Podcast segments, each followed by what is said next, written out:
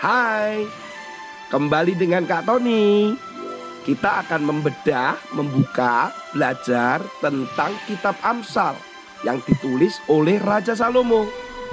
Agar kita mendapatkan hikmat pengetahuan dalam menjalani kehidupan ini. Dibawakan oleh Kak Tony. Tuhan Yesus memberkati.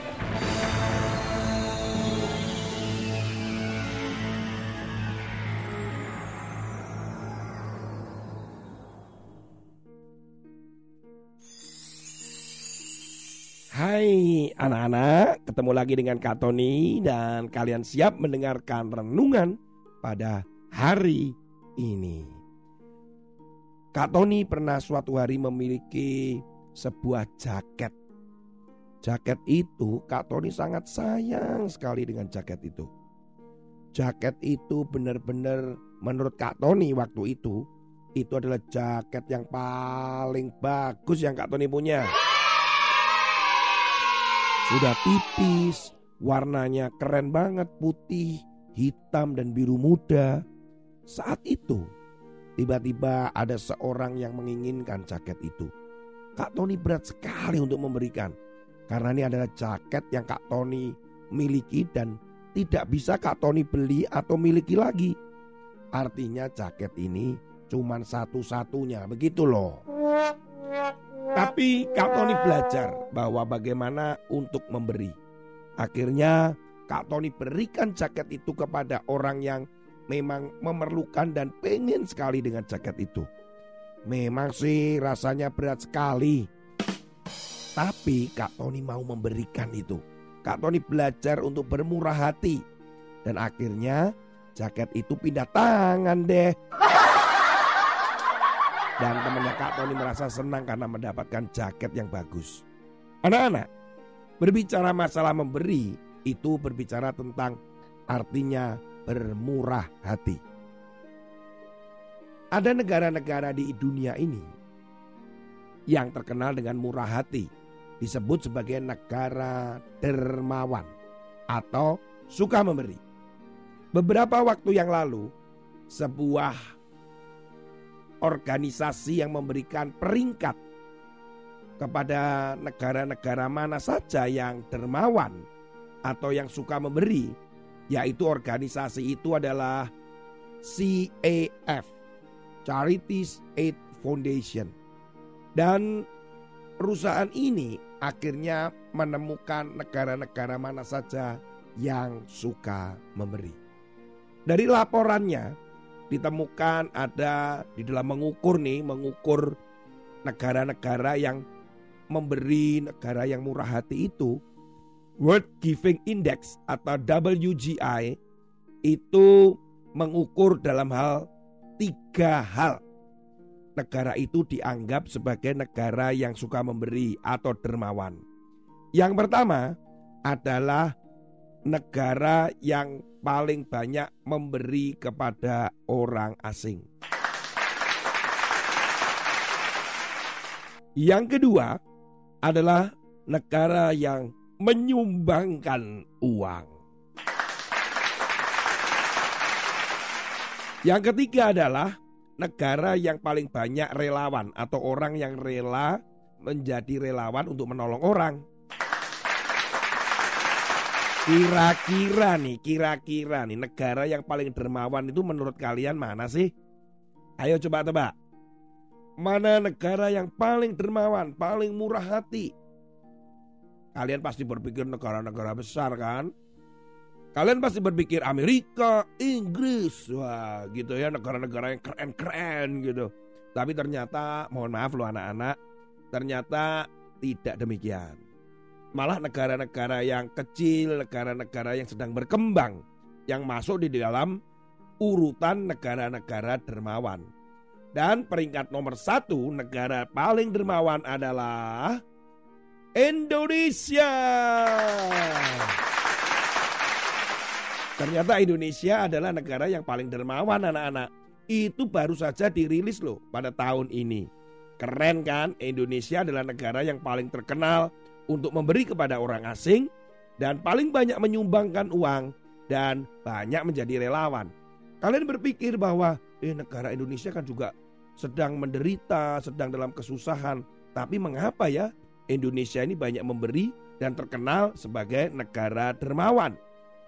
Anak-anak, karena memang penduduk Indonesia suka memberi. Ini juga sudah diraih Indonesia di tahun yang lalu. Indonesia juga tetap meraih sebagai negara dermawan. Bahkan dikatakan di dalam berita ini, pada tahun ini Indonesia selain peringkatnya tetap sebagai negara paling dermawan, tetapi nilainya semakin besar. Setelah Indonesia ada negara Kenya, Nigeria, Myanmar, Australia. Australia urutan kelima anak-anak. Ghana, Selandia Baru urutan ketujuh, Uganda, Kosovo, dan Thailand. Jadi Indonesia tetap nomor satu nih. Wah, wah, wah, wah, wah. Bangga nggak? Ah, Kak Tony bangga. Kalian juga pasti pernah memberi ke orang lain. Kalian juga pernah pernah menjadi sukarelawan. Kalian juga pasti pernah menyumbangkan uang. Nah, atau ketika kalian di gereja memberikan kolekte atau memberi orang yang membutuhkan seperti Kak Tony tadi memberikan jaketnya Kak Tony gitu. Ya kayak begitulah kita belajar. Firman Tuhan katakan di dalam Amsal pasal 11 ayat 17 dikatakan demikian. Orang yang murah hati berbuat baik kepada diri sendiri. Tetapi orang yang kejam menyiksa badannya sendiri. Tampaknya firman Tuhan ini jelas bahwa orang yang berbaik hati, yang murah hati, itu suatu hari pasti dia akan berguna bagi dirinya sendiri. Itu akan berguna bagi diri sendiri hari itu atau mungkin di kemudian hari. Tapi orang yang pelit, yang kejam, yang tega, ya membiarkan orang yang membutuhkan tetap dalam penderitaannya gitu. Ya, Nanti suatu kali apa yang dia tabur itu atau kekejamannya itu dia pasti mengalaminya juga anak-anak. Jadi jangan segan-segan, jangan henti-hentinya kita memberi kepada orang lain dan menolong orang lain. Kalau kita punya, kalau kita mampu, mengapa tidak? Tuhan Yesus sendiri mengatakan di dalam kisah para rasul pasal yang ke-20 ayat yang ke-35 adalah lebih baik berbahagia memberi daripada menerima. Itu adalah kata-kata Yesus bahwa lebih baik kita itu memberi daripada menerima. Wah, luar biasa loh. Apa yang bisa kita beri? Mengapa kita harus bermurah hati? Yang pertama, karena itu akan berakibat pada diri kita sendiri. Bahwa kita juga akan menuai kebaikan. Apa yang kita tabur, kita akan tuai. Yang kedua, karena itu perintah Tuhan Yesus. Tuhan Yesus pernah mengatakan tadi di dalam kisah para rasul pasal yang ke-20 ayat yang ke-35. Yang ketiga, mengapa kita harus bermurah hati? Itu terambil di dalam Lukas pasal 6 ayat 36. Hendaklah kamu murah hati, sebab Bapamu adalah murah hati. Kenapa kita harus murah hati? Karena Tuhan juga bermurah hati. Ini berita yang luar biasa. Karena Yesus itu bermurah hati kepada kita sampai dia sendiri menyerahkan nyawanya untuk kita. Dia memberi nyawanya supaya kita selamat. Ia mati dan memberikan nyawanya di atas kayu salib supaya kita dosanya dihapuskan. Supaya kita bisa punya hubungan yang baik lagi dengan Tuhan. Kita bisa dibenarkan. Bahkan kita juga nanti bisa bersama-sama dengan dia di sorga. Sehingga Yesus itu mau memberikan nyawanya. Yesus mau mati untuk engkau dan saya. Itu yang luar biasa. Itu contohnya. Yesus memberikan semuanya untuk kita. Maukah kalian belajar bermurah hati?